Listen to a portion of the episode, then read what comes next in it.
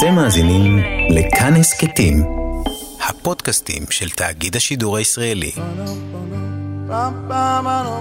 כל ישראל, אוצרות הארכיון.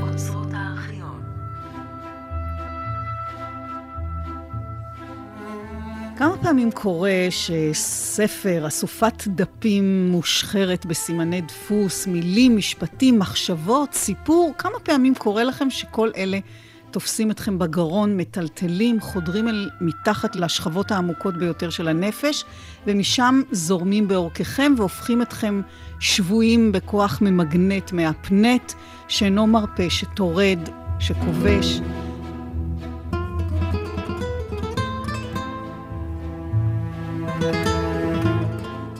נודע לי, למרות שלא ביקשתי לדעת, שאחת הילדות, כשכבר לא הייתה ילדה ואך חזרה ממסע כלולותיה, נכנסה לחדר האמבטיה, נעמדה מול המראה, פתחה את חולצתה, הסירה את החזייה וחיפשה את הלב עם קנה האקדח של אביה, שהיה באותה שעה בחדר האוכל עם חלק מהמשפחה ושלושה אורחים.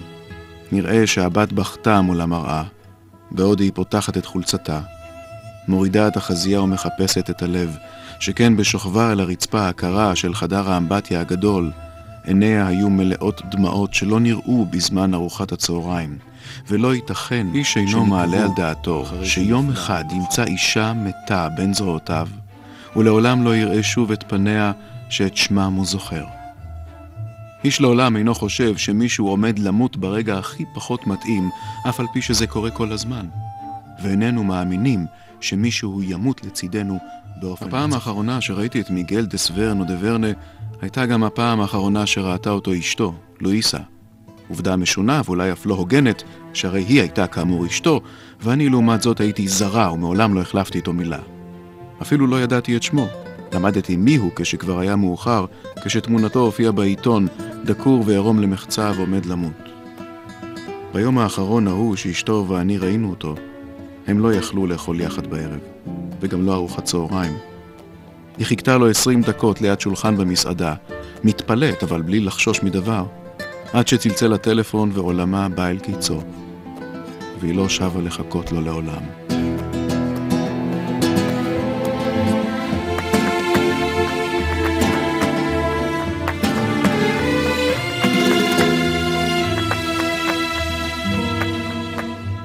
מילים שמנסות לגעת, והפעם על יצירתו של הסופר הספרדי חוויאר מריאס, נמצאת ספרו החדש התאהבויות.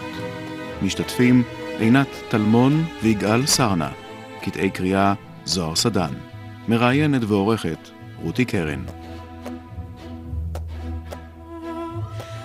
אז כן, יש אה, ספרות נפלאה, מחכימה, מרגשת, מרתקת, איכותית, אבל אפקט כזה ישנו רק למעטים, הסופר הספרדי חוויאר מריאס הוא ללא ספק אחד מהם. לפני כעשר שנים הגיע לידיי הספר אה, לב לבן כל כך, לא הכרתי עד אז את אה, חוויאר מריאס, המחבר. אחר כך מצאתי את גבר סנטימנטלי ואת מחר בקרב חשוב עליי, והנה כעת החדש התאהבויות, שבגינו אנחנו יושבים כאן כדי לשוחח על היצירה של חוויאר מריאס.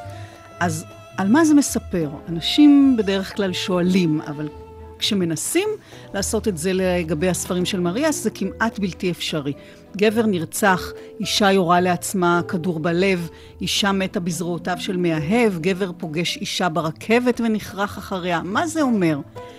יש רצח, יש מוות, יש תשוקה, יש אשמה, כל כך הרבה דברים נמצאים בספרים האלו, אבל מה הסיפור? מה שקרה פחות חשוב. זאת נובלה. ומה שקורה בנובלות לא משנה ונשכח ברגע שהן מסתיימות. מה שמעניין הוא האפשרויות והרעיונות שחודרים לנו לראש ונושאים אותנו בעקבות המקרים הדמיוניים המסופרים בהן, שנשארים איתנו בבהירות רבה יותר מאשר האירועים המציאותיים, ואנחנו מחשיבים אותם יותר. לספרות יש יכולת ללמד אותנו את מה שאנחנו לא מכירים ולא משערים.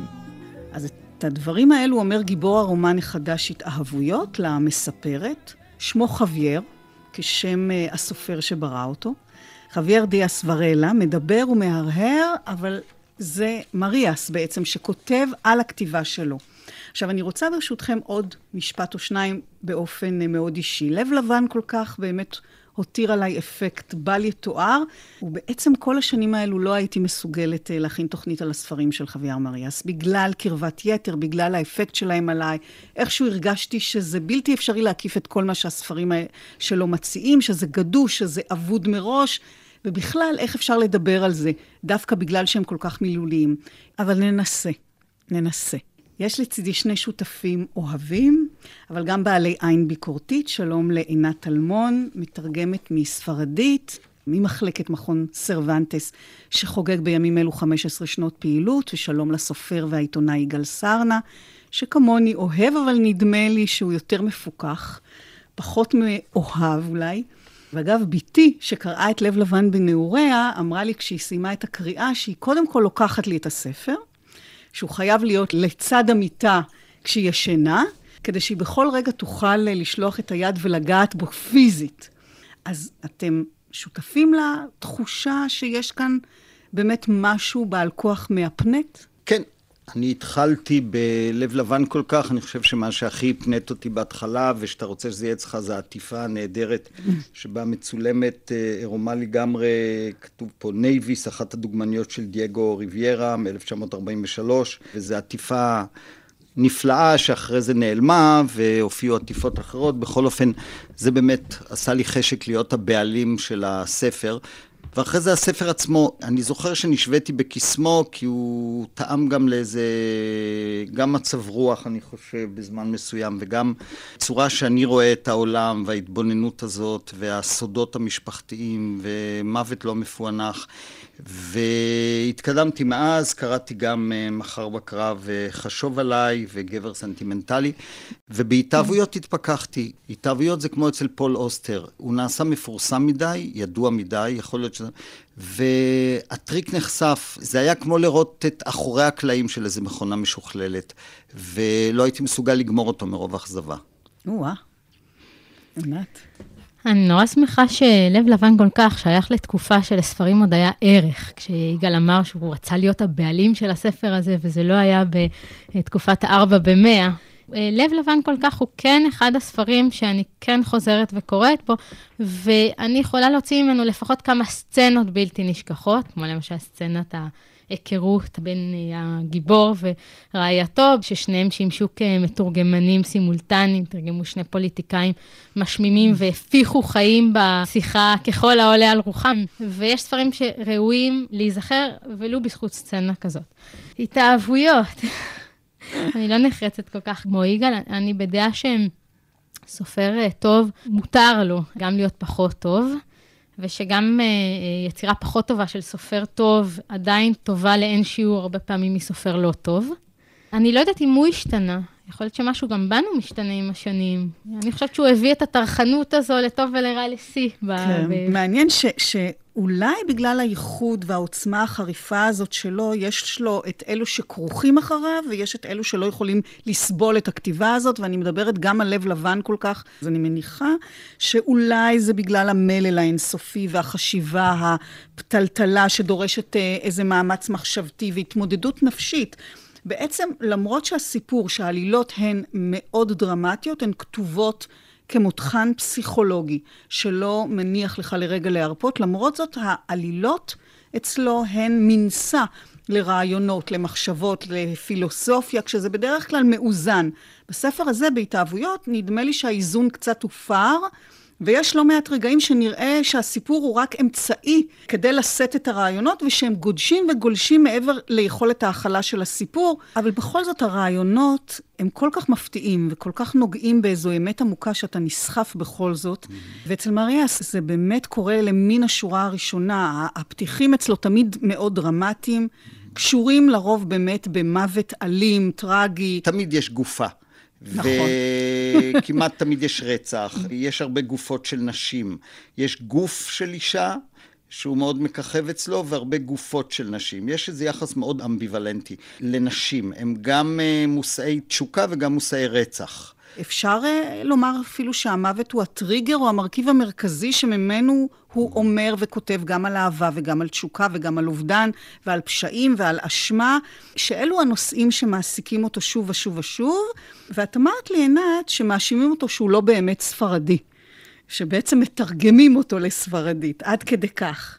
ואני אמרתי לך שאולי אין ביטוי סטריאוטיפי לספרדיות כפי שהיא נתפסת בדימוי שלנו, אבל ספרד נמצאת שם ברובדים הכי עמוקים, ואולי יותר מן החושניות והתשוקה, זו באמת הנוכחות או המשמעות המרכזית של המוות בספרים שלו, שהיא הביטוי הספרדי המובהק, אפרופו משפט של אורקה אה, אמר פעם שהמת בספרד חי יותר מכל מקום אחר בעולם. קודם כל, הספרדיות של אה, מריאס היא עובדה, אה, לא רק משום שהוא יליד ספרד, וזה גם מה שהוא עונה לכל המבקרים שלו. אני סופר ספרדי משום שאני כותב בשפה הספרדית נקודה, והדמויות שלו נעות גם בערים ספרדיות, בין מדריד, ברצלונה, אבל הוא גם מאוד ספרדי מפני שהוא בנו של אחד הפילוסופים החשובים ביותר במאה ה-20, שהיה תלמידו של אורטגה איגסט.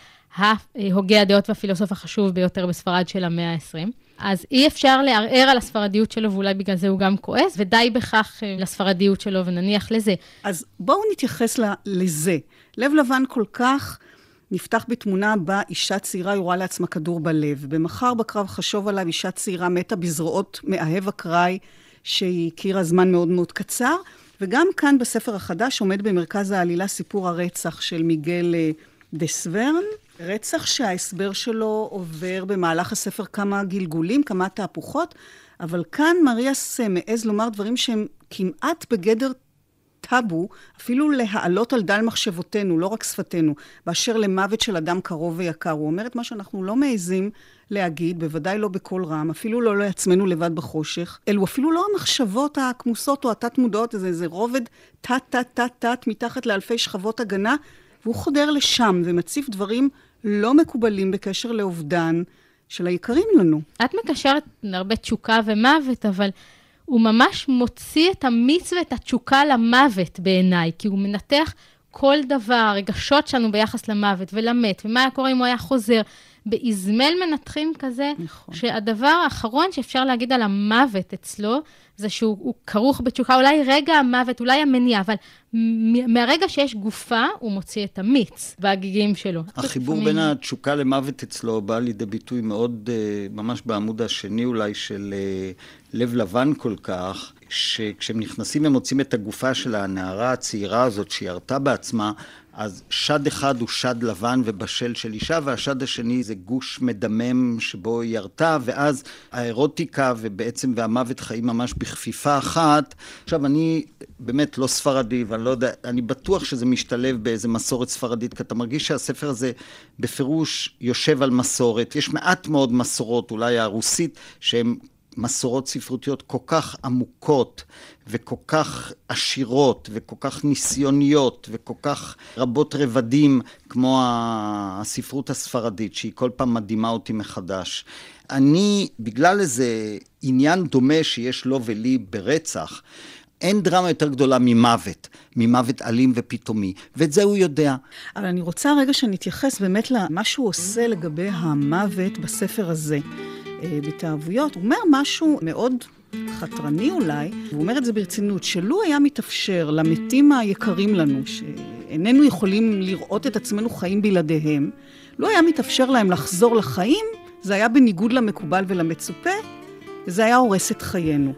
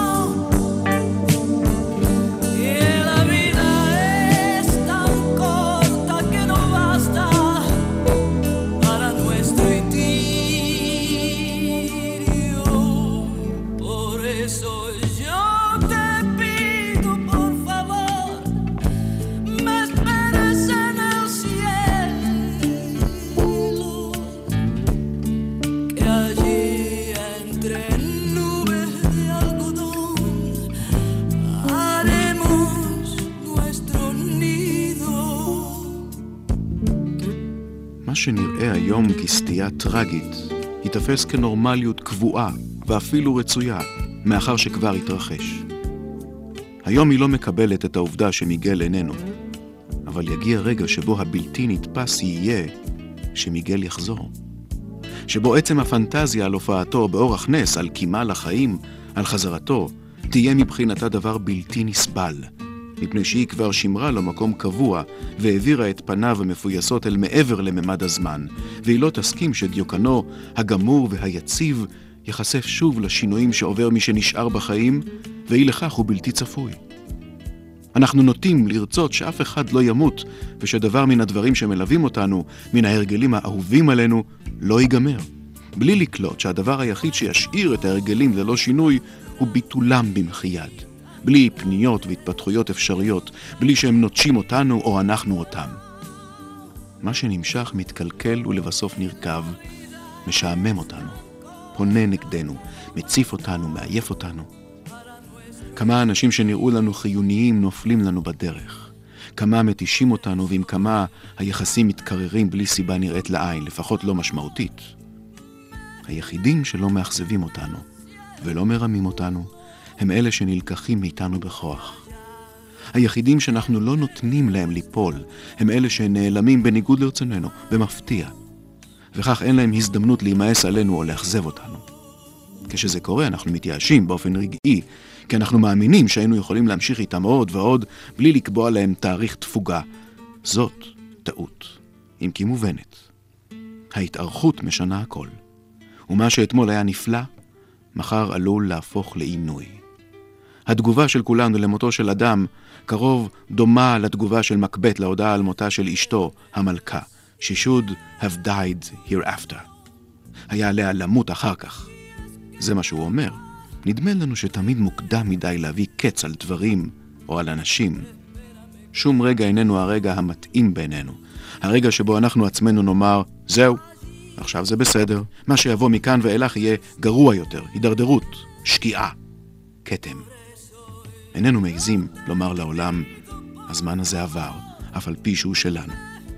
ולכן שום סוף לא נמצא בידינו, כי אם זה היה תלוי בהן, בידינו, הכל היה נמשך עד אין סוף, מזדהם ומתלכלך, מבלי שאף חי לעולם לא יעבור להיות מת.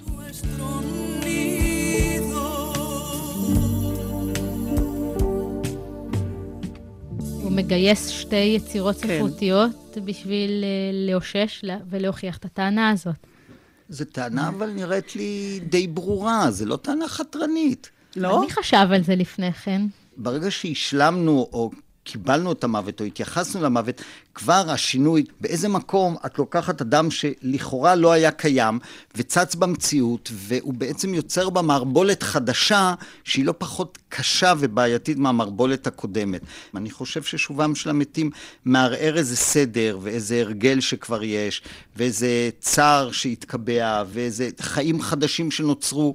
וזה הופך את הדברים על פיהם. זה... כן, אבל זה לא משהו שאנחנו נעיז להגיד אותו בקול רם. אולי זה מובן מאליו, אבל אני מצאתי חידוש במחשבה הזאת, כי לא חשבתי עליה, ודי בכך נכון. בשביל שהיא תהיה חידוש בשבילי, אפילו אם היא לא חתרנית. אוקיי. אגב, הכותרת של המקורית שאני הצעתי לביקורת שכתבתי למוסף הארץ, הייתה בצער לא רב, ביגון לא קודר, ואם הם רוצים בהארץ, אז גם את ההמשך, כי הזמן את העצב ליד המתים קובר. כן, הוא מדבר על הדבר הזה באמת, שיש לכל הדברים... הדברים האלה תאריך תפוגה, mm-hmm. הוא כותב ככה, מתים צריכים להישאר במקומם ואסור לתקן דבר. אנחנו מרשים לעצמנו להתגעגע אליהם, כי אנחנו בטוחים שאיבדנו אותם ושהם לא עומדים להראות את פניהם שוב, ולא לתבוע את מקומם שנותר ריק ועד מהרה נתפס. ולטובת הרעיון הזה, שהוא לא בלתי נכון, הוא מגייס זה באמת נובלה של אה, בלזק, על גבר שיצא למלחמה, ונדמה היה שהוא מת בקרב, ואשתו בנתה לעצמה בינתיים חיים חדשים, התחתנה בשנית, ויום אחד הוא חוזר ומופיע, והיא מסרבת להכיר אותו, מסרבת לזהות אותו, ובעצם באופן הזה היא נוטלת ממנו את זהותו, והוא באיזשהו אופן גם מת פעם נוספת. עכשיו, הסיפור הזה של בלזק משמש טריגר לדיון במקומם של מתים או עובדים מחיינו. הטעות היא במחשבה שההווה הוא לתמיד. שמה שיש בכל רגע הוא מוחלט. בשעה שכולנו צריכים לדעת שדבר אינו מוחלט. בשעה שזמננו קצוב. אנחנו נושאים על כתפינו את עול השינויים הרבים והמהפכים הרבים, לא רק של יד הגורל, אלא של מצב הרוח שלנו. אנחנו לומדים שמה שנראה לנו חמור ביותר, יהיה יום אחד סתמי בעינינו. רק מעשה. רק עובדה.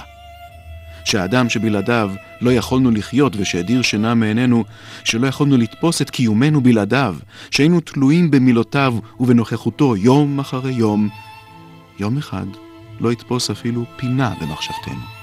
וכשיתפוס מדי פעם, זה ילווה במשיכת כתפיים.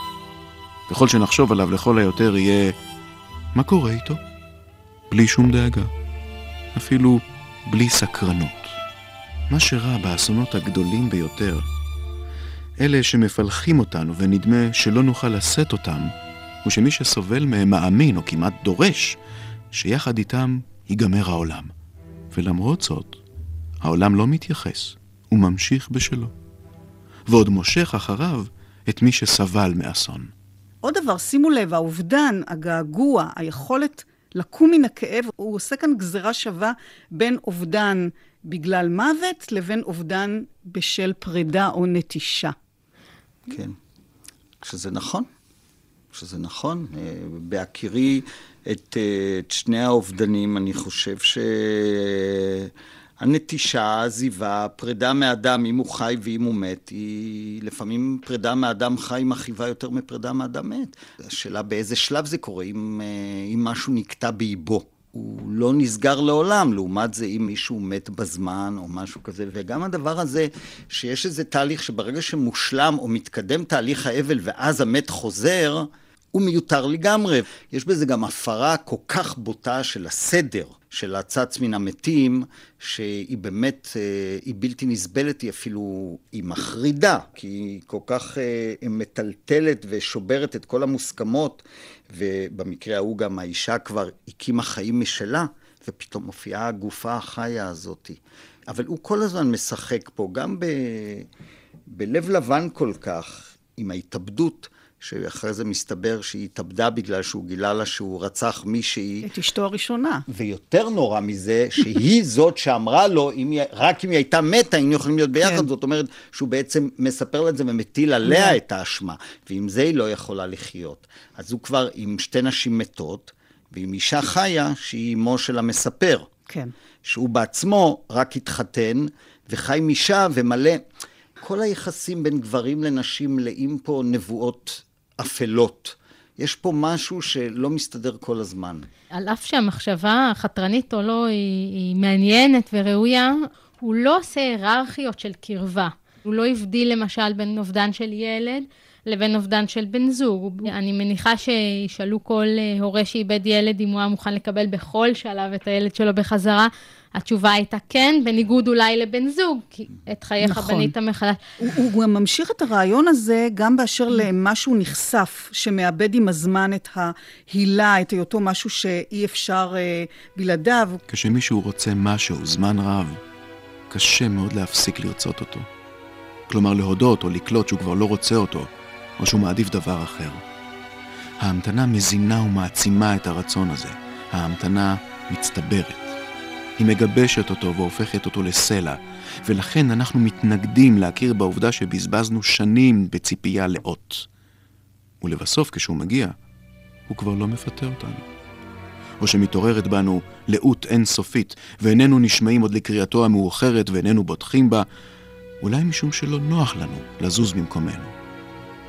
אדם מתרגל להתעלות כל חייו בהזדמנות שלא מגיעה, בתוך תוכו, רגוע, מוגן ופסיבי, בתוך תוכו חסר אמונה שאי פעם היא תציג את עצמה. אז הוא לא בוחן פה את העניין של בפרקטיקה שהמת יחזור מן המתים, אלא אני חושבת שהוא בעצם מוביל את זה כדי לומר שרגשות שנדמה לנו שהם אקסיומטיים, גם להם יש תאריך תפוגה, שזו גישה אנטי-רומנטית בעליל, היא ריאלית מאוד, היא פרקטית, ושוב, הוא, הוא שם את, את הדברים על אותו מישור, גם ביחס לעניין של המוות, וגם את האהבה וגם התשוקה. לכולם יש בעיניו תאריך תפוגה. אבל תמיד שה-case study זה אהבה בין בני זוג. כן. ולא חסרים האנשים שגם יגידו שהקלישאה שהזמן מרפא היא, היא לא נכונה, שהכאב רק הולך ומתעצם עם השנים. בוודאי הוא מכיר, בתרבות הלטינו-אמריקנית, אבל בעיקר המקסיקנית, אה, חוגגים בנובמבר פעם בשנה את יום המתים. יום המתים, כן. מזמנים את המתים במזבח אה, מיוחד עשיר ומלא קישוטים ואוכל אמיתי, מזמנים אותם פעם בשנה לאכול עם החיים, ואז משלחים אותם לדרכם. אני חושב שהעמדה שלו, אולי זה מה שמסביר חלק מהדברים, האיש בעצם משקיף על החיים מהצד, והייתי אפילו קורא לו מציצן. Mm. הוא ממש על גבול הסטייה כמעט, הוא לא רק מתבונן, הוא גם מציץ. הוא מקשיב מעבר לקירות. נכון. הוא מקשיב לשיחות סודיות, לשיחה בין אבא שלו לאשתו לואיזה, הוא מקשיב מאחורי דלת שלואיזה יודעת שהוא שם, והסצנה הכי חזקה ומצמררת שהקפיאה את דמי וצמררה אותי, והיא סצנה ספרותית גדולה, זה סצנה שזה נדמה לי מחר בקרב, חשוב עליי, גבר שיש לו את המפתח והוא חוזר לבית של אשתו אהובתו לשעבר ונכנס לחדר שבו היא ישנה עם גבר אחר. הוא הולך על קצה האצבעות, ואז לרגע יש איזה סופת רעמים וברקים, והברק מאיר אותם, והם לשנייה אחת רואים אותו. כל הזמן שקראתי אותו, אמרתי לעצמי, הוא איזה מין בלש אירוטי כזה. Mm. הוא חושני, הוא מאוד מציצני. הספרים הם לפעמים כמו דוח של בלש, אבל בלש שהוא גם פילוסוף. לדוגמה, הוא יכול להגיד, אף אחד לא נשאר עירום באמצע חדר יותר מכמה שניות. זה כמו שעמיחי אומר, מארבעה אנשים בחדר, אחד עומד על יד החלון. זה מין אקסיומות כאלה. ומצד שני, יש לו גם הומור. הוא מעבר לקיר שומע, כבר שנה אשתך כל הזמן מתה מחר. אז יש הומור כל הזמן. כן. אבל עוד פעם אני אומר, יש פה אדם שהוא לא בתוך הדברים. הוא מעורר את עצמו באמצעים קיצוניים של אה, אירוטיקה ושל מוות ושל הצצה. הוא סופר משקיף. הסצנה שמניעה למעשה את העלילה בהתאהבויות. כן. זה הצצה נכון. מאחורי הדלת של הגיבורה ששומעת. ששומעת. דברים שהיא לא צריכה לשמוע, נכון. ושבעקבותיהם העלילה משנה את פניה. נכון. ואנחנו יכולים לבחור במה להאמין, כמו שהיא נאלצה כן. לבחור. אבל... הספר גם מתחיל בהתבוננות, כלומר, היא מסתכלת על איזה זוג. וככה נוצר הקשר. אני רוצה רגע לחזור לסיפור של בלזק, שדרכו הוא באמת רוצה להדגיש את העניין הזה, והוא חוזר ברומן שוב ושוב ושוב, כמו המשפט אה, ממקבט, היה עליה למות אחר כך. אז בואו נתייחס לרגע לאופן שבו מריאס שותל בכל הרומנים שלו מוטיבים אה, אובססיביים חוזרים כמעט כמו שטיפת מוח, מתוך יצירות ספרות אחרות. אפשר לומר אובססיה די קבועה על שייקספיר. בעיקר ממקבט, נראה לי שהוא מאוד אוהב את המחזה הזה. שמו של הספר לב לבן כל כך לקוח מתוך הדברים שאומרת ליידי מקבט למקבט אחרי הרצח. וזה מוטיב אה, מאוד מרכזי בסיפור, העניין של אשמה או קהות חושים או פחד. וגם כאן, בהתאהבויות, הוא חוזר על אה, משפט ממקבט, ובספר נוסף, שגם לו הוא מעניק את השם ממשפט מתוך מחזה שקספירי, הפעם מריצ'רד השלישי, מחר בקרב חשוב עליי, שלקוח מתוך סצנה שבה רוחות הנרצחים פוקדות את ריצ'רד ערב הקרב ואומרות לו, מחר אכביד על נשמתך, מחר אקעה את חרבך בקרב, במקור Tomorrow in the battle think of me, מחר בקרב חשוב עליי. המשפט הזה חוזר בספר כל כך הרבה פעמים, ושימו לב שכל המשפטים שהוא בוחר סובבים סביב אה, נושא של אשמה, של פשע, של אחריות למוות של מישהו, שזה, אני חושבת, הציר שעליו סובבת כל היצירה שלו. ובכל זאת, מה אתם חושבים הייחודי לא כל כך בדרך הצגת העניין הזה של אשמה. אני חושבת שהאינטרטקסטואליות אה, מגיעה לשיא בהתאהבויות שהגיבורים מצטטים ספרים. זאת אומרת שלא הסופר מצטט, אלא דמויות mm-hmm. בתוך ה... זה, זה כבר איזושהי השתכללות, התקדמות, נסיגה, אפשר לראות את זה איך שרוצים, אבל שממש זה סיפור אינטרטקסטואלי אה, לכל דבר, הוא מאוד מקשה שם. האשם הוא רק מי שלקח את כלי הרצח וביצע את המעשה ושפך את הדם. ככל שאתה מרחיק בשרשרת, לא, אבל זו השאלה שהוא שואל. אשם, אתה פחות... אבל זו השאלה שהוא שואל. האם אלה שלא עושים את זה באופן ישיר, הם אחראים או לא אחראים, יש עליהם אשמה או לא.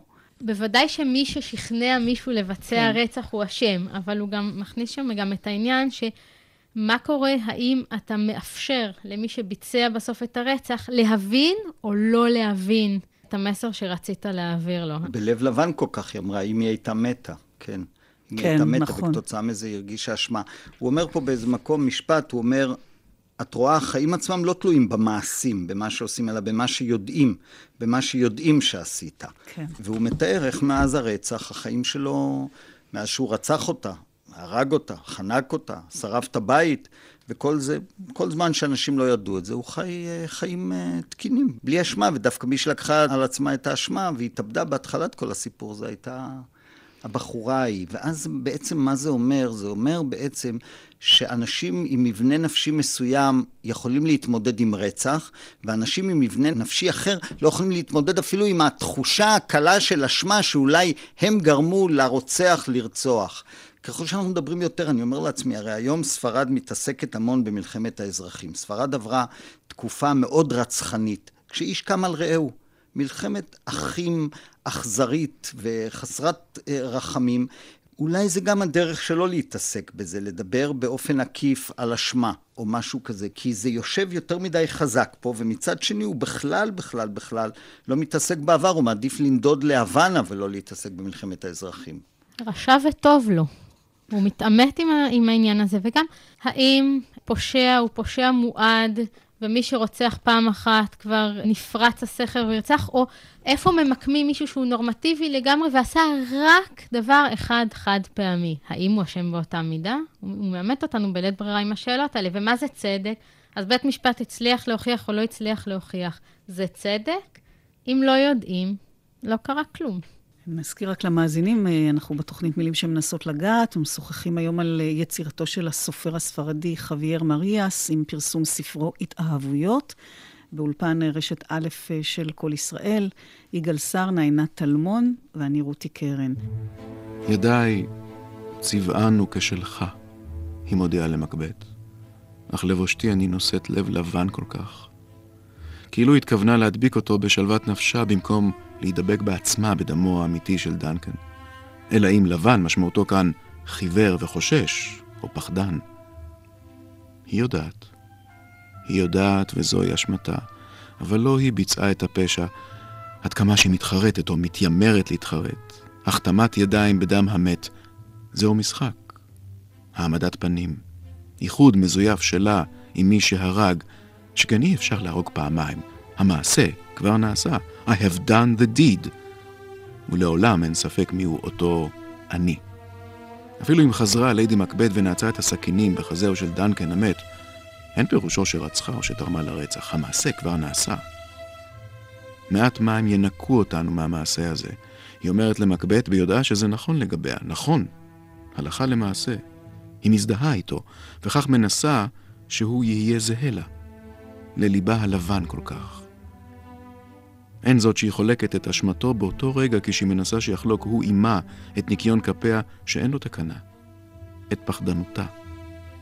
הסתה היא רק מילים. מילים שניתן לתרגם, שאין להם בעלים ואפשר לחזור עליהן מקול לקול ומלשון ללשון ומתקופה לתקופה, תמיד זהות, מסיתות לאותם המעשים עוד לפני שהיה איש בעולם ולפני שהיו לשונות או אוזניים שישמעו. אותם מעשים שאיש אינו יודע אם הוא רוצה לראותם מבוצעים. המעשים הבלתי רצוניים, המעשים שכבר לא תלויים במילים כשהם מתרחשים, אלא מוחקים אותן ונשארים מבודדים מראשיתם ואחריתם, ומהם אין חזרה. עוד בכמה מילים באשר לאשמה, אחד הפרקים המשמעותיים בספר שהופכים את הקערה על פיה בפעם הראשונה, הוא רגע ההיוודעות בעקיפין למעשה הלא ישיר אך המכוון של האהוב, ההיוודעות של המספרת לפשע. מריאס מקפיד לעצב את אה, דיה ספרלה כמי שלא החתים את אה, ידיו בדם באופן ישיר. שוב, זו אסוציאציה לליידי מקבט. ושוב עולה הסוגיה של הניסיון לרכך או להכחיש את האשמה בביצוע פשע, אפילו אם לא ביצעת אותו בפועל אה, ישירות. וזה באמת אה, שאלה שהוא מבקש לשאול, אני חושבת, דרך הסיפור הזה, בכלל, לא רק על המקרה הספציפי, אלא להכיל אותו על מה שכולנו עושים כבדרך טבע ביומיום, לא רק כפרטים, כמנהלי חברות, כגוף שלטוני, כחברה. כשאנחנו קונים משהו בזול, אנחנו לא חושבים על סדנאות היזע או על אה, מה שעושים לבעלי החיים, כי אנחנו לא רואים את זה. זה בערך על אותו עיקרון, למרות שהוא לא נכנס כמובן לזה. אם לזה את מתכוונת שכולנו מבצעים איזה שהם כן. פשעים או, או מעגלים פינות. גם המספרת בעצם מתלבטת בחלק שלה שהוא עקיף, הוא במעגל המאוד רחוק. היא רק שמעה שבוצע פשע. אז מה האחריות שלה? ועד כמה בשם האהבה אנחנו... כלומר, עד כמה נעשים פשעים בחסות האהבה, אהבה כאליבי. הספרות מלאה סיפורים שבעצם הם מין מוסרי השכל שאומרים אל תרצח בשם אהבה כי זה יכתים את האהבה. זאת אומרת, איך בעצם הרצח או נטילת חיים של הזולת מחלחלת כמו רעל או כמו חומצה. לחיים שאחר כך, ובעצם לעולם אל תעשה את זה אם אתה רוצה ליצור משהו טוב, כי אי אפשר ליצור על הבסיס הנורא הזה שום דבר טוב. את אה, כל הזמן מדברת על רצח, אבל יש שם עוד אפשרות, עוד סיפור די נכון. מהודק. שוורלה או תפר או סיפר את האמת, והוא באמת מהודק מכל הבחינות, נכון. עד הרמה של שמות הרופאים שיבחנו לכאורה מחלה סופנית אצל הנרצח, ושזה הופך את העניין על פיו. ואני חושבת שהסיפור הזה קיים, ההסבר, הנרטיב השני, כי מריאס לא סומך עלינו הקוראים, וחווייר, דיאס ורלה, לא סומך על מריה דולס. ש... המספרת. אה, כן, שנקנה את זה שאם לא שלחת ידך אה, בסכין הרצח, אז אתה לא אשם. פחות או יותר הבסיס המוסרי של כולנו, גם אם אנחנו מעגלים פינות, זה להבין שמי ששולח מישהו לרצוח מישהו, הוא כן אשם.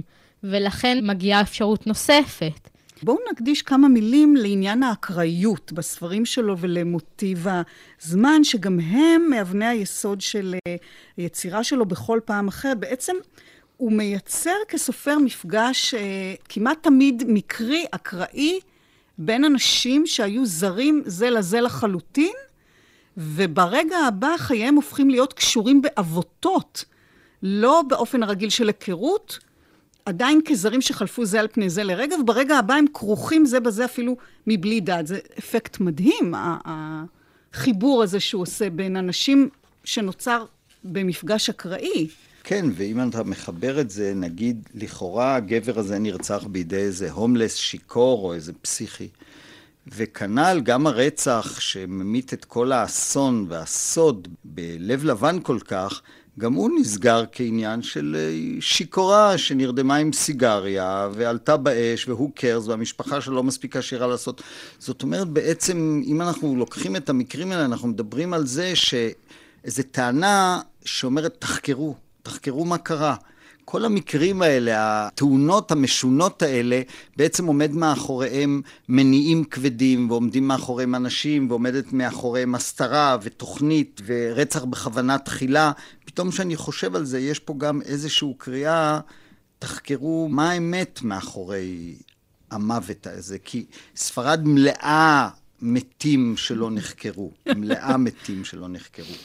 אני דווקא חושבת שהחותמת של מריאס היא לא בהנעת העלילה על ידי רצח או על ידי משהו אקראי, אלא שבכל בלש נורמלי אחר או סרט מתח, התגלית, הווידוי של ראנס על כך שהוא זה שרצח את אשתו הראשונה בלב לבן כל כך, או הווידוי של דיאס ורלה בהתאהבויות, היה מוביל לסצנת סיום שהמשטרה מביאה אה, אזיקים, מלבישה על הרוצח, ואנחנו כמובן מצפים לאיזה משפט צדק. הייחוד של מריאס הוא בזה שהוא בעצם אומר, אנחנו יודעים מי עשה מה, או חושבים שיודעים, so what. ועם ה-so what הזה, אנחנו צריכים להתמודד. אשתו של uh, המספר בלב לבן כל כך, עדיין צריכה להוציא את החותן שלה לארוחת ערב כאילו לא קרה כלום. היא צריכה להחניק את החדשות. את הידיעה. המספרת בהתאהבויות מבינה שהעולם לא הולך לרעוד ולהתערער ממה שהיא יודעת. וזה הדבר הכי נורא ובעיניי הכי חדשני אצלו, לא הרצח עצמו. מה עושים עם זה? אז שוב, זה חוזר לעניין של אחריות, זה חוזר לעניין של אשמה. אלוהים, מה עושים עם זה? זה חוזר לעניין של אשמה. ופה גם לואיזה אומרת לאבא הזה, תספר לי, תספר לי מה קרה. למי אכפת מוות שהיה לפני 40 שנה? זה עוד פעם מהדהד לי כן. משהו שהוא אה, בעצם אומר, אה, אנחנו יושבים על כל כך הרבה מתים בארץ הזאת, האדמה ספוגה כל כך הרבה דם, שבאמת אין סיכוי לעשות רעש.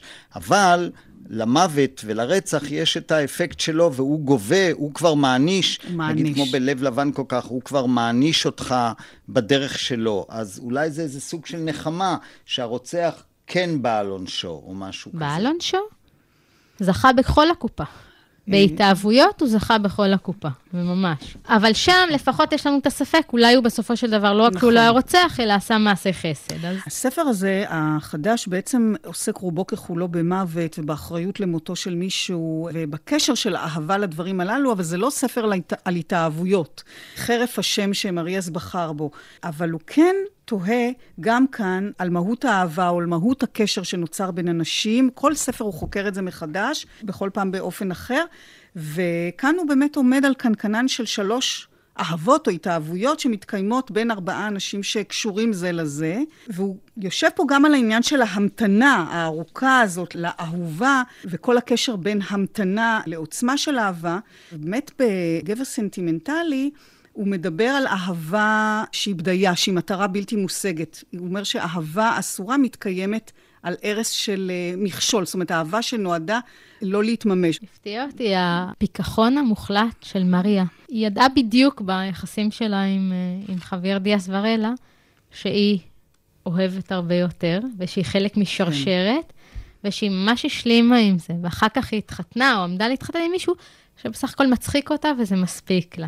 המבט המאוד מפוכח שלו, הוא גם אמר בריאיון שרוב האנשים הנשואים אה, אוהבים אחד את השני בסך הכל, וגם הזוג שהוא מציג בהתחלה לפני הרצח זה זוג שאוהב בסך הכל, אז הוא מאמין באהבה, אולי לא באהבה הרסנית בהכרח.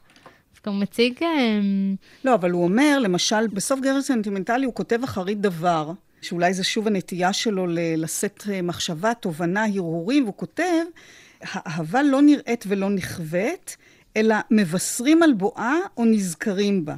האם האהבה, שהיא תמיד דחופה ובלתי ניתנת לדיחוי, שדורשת נוכחות ומימוש או כיליון מיידיים, יכולה להכריז על עצמה מבלי שתהיה קיימת עדיין? או לזכור את עצמה באמת כשכבר אינה קיימת? או האם ההכרזה עצמה והזיכרון לבדו מהווים כבר ועדיין, בהתאמה, חלק מהאהבה הזו? איני יודע את התשובה. אבל אני כן מאמין שהאהבה מבוססת במידה רבה על הציפייה לה וההיזכרות בה. זהו הרגש הדורש מינונים גבוהים ביותר של דמיון. לא רק כשחשים בו, וכשצופים בבואו, ולא רק כשמי שחווה אותו ואיבד אותו נדרש להסבירו לעצמו, אלא גם בזמן שהאהבה עצמה מתפתחת והיא במלוא תוקפה. בואו נאמר שזהו רגש הדורש תמיד משהו בדוי בנוסף על מה שמציעה המציאות. במילים אחרות, מוחשית או ממשית ככל שתראה לנו האהבה ברגע נתון, תמיד יש בה השלכה דמיונית. היא תמיד עומדת להתגשם. היא הממלכה של מה שיכול להיות, או של מה שיכול היה להיות. אני יודע היטב כי אין שעבוד יעיל יותר ומתמשך יותר מזה המבוסס על בדיה, ויותר מזה, על מה שלא היה קיים מעולם. נותר מקום לשאול אם המספר הזה רצה לומר גם על מה שלא הושג.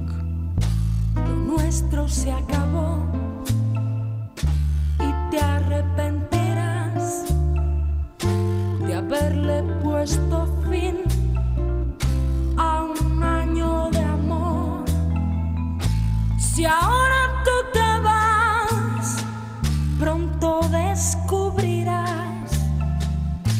que los días son eternos y vacíos sin mí. Y de noche, y de noche, por no sentirte solo, recordarás nuestros días felices. Record sabor de mis besos.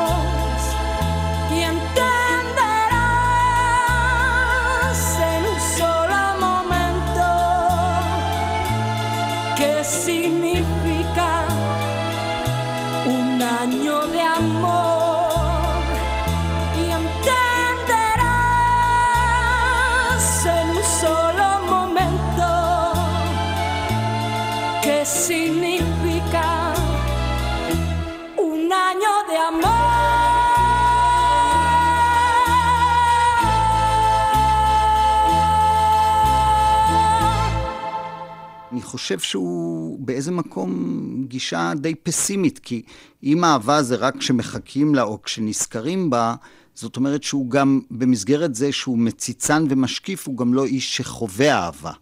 הוא לא מאמין בה והוא גם לא חווה אותה, כי הוא לא... הוא לא מתאר אותה. זה תמיד אפוף בדאגות, זה תמיד אפוף באסונות, תמיד משהו מוסתר. בעיניי הוא מאמין גדול באהבה. אני, חושב, זאת אומרת, אני חושבת שהאהבה שאתה נזכר בה או מצפה לה, זה דווקא מאוד עוצמתי. אבל איפה האהבה שאתה חי בה? מה זאת אומרת? נזכר בה זה עבר. נכון. מצפה לה זה עתיד. אין באהבה שום זמן של שהוא הווה. משמעותי חוץ מההווה. אני מאמין מאוד בתחושה הבודהיסטית הזאת, שאין לנו ביד שום דבר חוץ מההווה. אין לנו שליטה על העבר, אין לנו שליטה על העתיד, יש לנו רק את ההווה. ובאהבה, אוהבים שלא חווים אותה בהווה, הם לא אוהבים. אז הם אחרי זה מרמים את עצמם, או שהם מצפים למשהו שלא יקרה, אבל הרגעים הכי גדולים זה באהבה וגם בספרות של אהבה. זה שני, גבר ואישה בתוך חדר, שכל העולם משתתק והם נמצאים שם. ופה לא. פה אין חדר שמשתתק. פה היא שוכבת חולה בתוך החדר, והוא, אישה אחת צועקת לו מהרחוב, מה אתה עושה שם בן זונה? ואחרי זה היא נכנסת ומתרחשת אהבה בחדר על יד, או לא מתרחשת אהבה.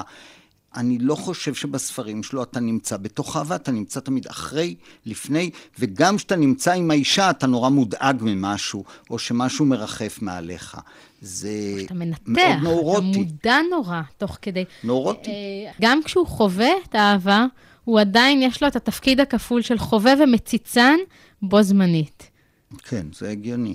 אגב, את, שימו לב שהוא שם על השולחן הניתוחים המילולי שלו את המילה התאהבות, הוא קורא לזה שם העצם, המושג, שם התואר, והפרשנות שהוא נותן למילה אהבה היא המילה חולשה. Mm. נו, אז תפסנו אותו. וחולשתו. אז הוא מתעכב על מילים, הוא מתעכב על המילה חולשה, ובכלל, ש... בגלל שהמילים אצלו כל כך משמעותיות, אז הוא אחרי זה גם מדבר על המילה מוות. דיה סברלה אומר למספרת, מעולם לא היית צריכה לארגן ולהכין מוות. ואז היא אומרת, הוא לא אמר הריגה, והוא לא אמר רצח, והוא לא אמר פשע, הוא אמר מוות. אל תשכחי, לפי מה שעינת אמרה, הוא בן של אה, הוגה דעות, כן. או פילוסוף גדול. הוא גדל בבית של מילים. לא קל להיות ילד של פילוסוף גדול. ואני חושב שמה שהוא עושה, הוא מתפלסף בלי להיות פילוסוף. זה מין uh, חוכמת חיים. זה מאוד לוכד את הלב, כי זה מין פילוסופיה עממית כזאת, של בעצם של בן אדם שמשקיף, והוא מספק לך מין uh, קטלוג לחיים. או הוראות שימוש לחיים. אבל הוא גם מכריח אותך להתעכב על, על מחשבות שלא בטוח שהיית חושב אותן בעצמך. כן. נכון? כן. זה לא בגרוש. ולא לא, בגרוש, לא, לא, הן לא עמוקות. הרהורים כאלה, אם את מורידה מהם את שלד של עלילה, mm-hmm. הם לא עומדים בפני עצמם לא. כספר פילוסופיה. הם לא מספיק מופשטים. כן. גם העלילות שלו מאוד חזקות. הוא חייב את העלילה, העלילה גם טובה אצלו, אבל הוא חייב... טובה וחזקה ולא שגרתית. הוא חייב את העלילה כבסיס, לבנות עליו את ההרהורים. וזה תו הייחוד שלו, השילוב הזה, שגם אם הוא לפעמים קצת מופר, בין רומן פסיכולוגיסטי לרומן של פעולה. זה החותמת של חוויאר מריאס. אבל מה שצדק מקודם אמר, המשטרה לא קיימת בספרים האלה. כן. אין שלטונות, הכל קורה בין בני אדם, והרוב קורה בנפשם פנימה ובחדרים, בהקשבה, בהאזנה, בהצצה, בלחישה, בשום מקרה לא מוזעק, לא אמבולנס, לא מוזעקת משטרה, לא מוזעק חוקר אה, מוות, אין למי לקרוא. כשאני חושב על זה, כן. מריאס חותם את הספר הזה, התאהבויות, בתמונת ראי לתמונת הפתיחה. המספרת שוב צופה על זוג שיושב במסעדה מולה. חציו של הזוג הזה השתתף גם בזוג הראשון. המשתנה הוא בן הזוג השני, הגבר, שהיה גם בן הזוג של המתבוננת המספרת. אז אם נשים את שתי התמונות הללו, זו לצד זו, את הזוג הראשון והזוג השני, אולי זה מספר את כל מה שבתווך. בעצם, בתמונה הזו וברפלקציה שלה לתמונת הפתיחה, מריאס כמו מתמצת עבורנו בסוף הקריאה את ההתרחשות, או את מה שהוא פירש לאורך הסיפור כולו, כמעט מייתר את הסיפור. כלומר, איזושהי חתירה נגד עצמו, הוא בו זמנית אומר דבר והיפוכו כלפי עצמו, כלפי הכתיבה שלו, באופן שבו הוא תמיד מעמיד דברים כך, ובו ברגע גם את ההפך ממנו. בעיניי הסצנה הראשונה והסצנה האחרונה משלימה את הסצנה הראשונה, היא לא ההפך שלה. הוא מאמין באהבה. אבל בשביל שתהיה אהבה כזאת צריכה להיות גם חוסר ידיעה. והאלמנה לא יודעת משהו, ובאי הידיעה הזאת, מפני שאין משטרה, מפני שאין משפט, היא זאת שמאפשרת את האהבה הזאת, כמו שהייתה לה בהתחלה. אולי בהתחלה היא לא ידעה שהוא חולה אם אנחנו מאמצים את הנרטיב המקל, ואם אנחנו מאמצים את הנרטיב המסובך יותר, אז היא לא ידעה שהוא נרצח על ידי חברו הטוב. ואי הידיעה הזה מאפשר את האהבה הזאת. הראשונה או השנייה? זה לא נכון, או שזה נכון במקרים רבים, אבל לא תמיד שוכחים את מה שקרה. לא ביצירה שכמעט כולם הכירו או מכירים, גם אלה שמעולם לא קראו אותה. גם לא במציאות כשמה שקורה בה קורה לנו ועומד להיות הסיפור שלנו, שיכול להיגמר באופן זה או אחר ושום סופר לא יקבע את זה. זה יהיה תלוי אך ורק בנו.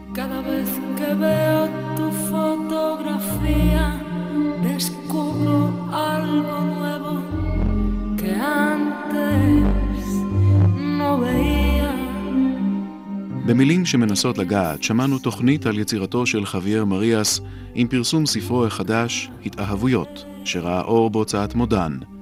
השתתפו עינת טלמון ויגאל סרנה, קטעי קריאה זוהר סדן, רינה וערכה רותי קרן.